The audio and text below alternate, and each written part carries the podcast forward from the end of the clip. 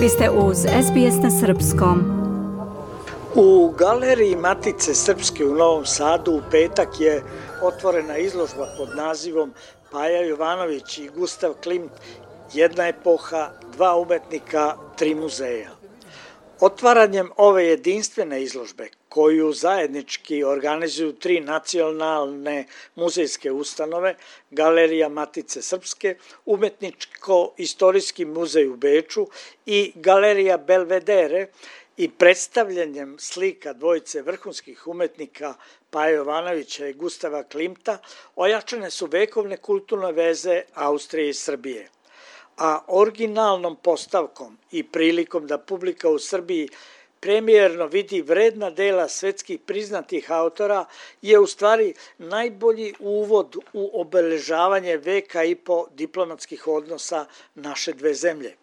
Podsjetimo da je i Paja Jovanović, jedan od najvećih srpskih slikara, bio bečki đak i da je kasnije živeo i stvarao u ovom gradu – Treba reći i ovo, Paja Jovanović na svetskoj izložbi u Rimu 2011. godine nastupao je u paviljonu Austrije. Izložbu u Novom Sadu otvorila je potpredsednica vlade i ministarka kulture Maja Gojković. Ona je kazala Predstavljanjem slika dvojice vrhunskih umetnika Paja Jovanović i Gustava Klimta jačamo vekovne veze i gradimo neke nove mostove prijateljstva u evropskim okvirima, tri važna muzeja, kao između Novog Sada i Beča, Srbije i Austrije. Originalnom postavkom i prilikom da publika u Srbiji premijerno vidi dva vredna dela svetski priznatih autora, ova izložba najbolji uvod u obeležavanje veka i po diplomatskih odnosa naše dve zemlje. Srbiju i Austriju vežu mnogostruke veze, čiji koreni datiraju znatno ranije od zvaničnog uspostavljanja državnih odnosa. Te veze najjasnije se ocrtavaju u oblasti kulture i zato je od tri velike važnosti da ih obostrano pažljivo negujemo i dodatno produbljujemo. Dame i gospodo, srpska kultura od uvek je pripadala evropskom kulturnom prostoru a našim brojnim umetnicima Austrija i njena prestonica Beč bili su prva stanica na njihovom evropskom putu. Tako i Paja Jovanović, jedan od najvećih srpskih slikara, bio bečki đak i kasnije živeo, stvarao upravo u ovom gradu. O velikoj povezanosti naših kulturnih prostora slikovito govore brojne pojedinačne i lične priče kao što je ona da je Paja Jovanović na svetskoj izložbi u Rimu 1911. godine nastupio upravo u paviljonu Austrije. Njegova ovde izložena slika umetnikova supruga Muni deo je stalne postavke srpske umetnosti 19. veka Galerije Matice Srpske, jednog od najplodnijih razdoblja svakako naše umetnosti.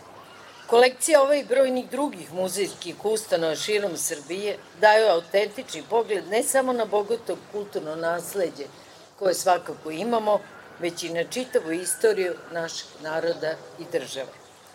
Izlaganjem u zemlji i na međunarodnoj sceni likovnih dela i drugih artefakata koji se čuvaju našim muzejima i galerijima, jednim delom gajimo uspomenu na vrednosti koje su nam naši preci ostavili, dok s druge strane dajemo snažan podsticaj mladim stvaraocima da streme ka najvišim umetničkim dostignućima.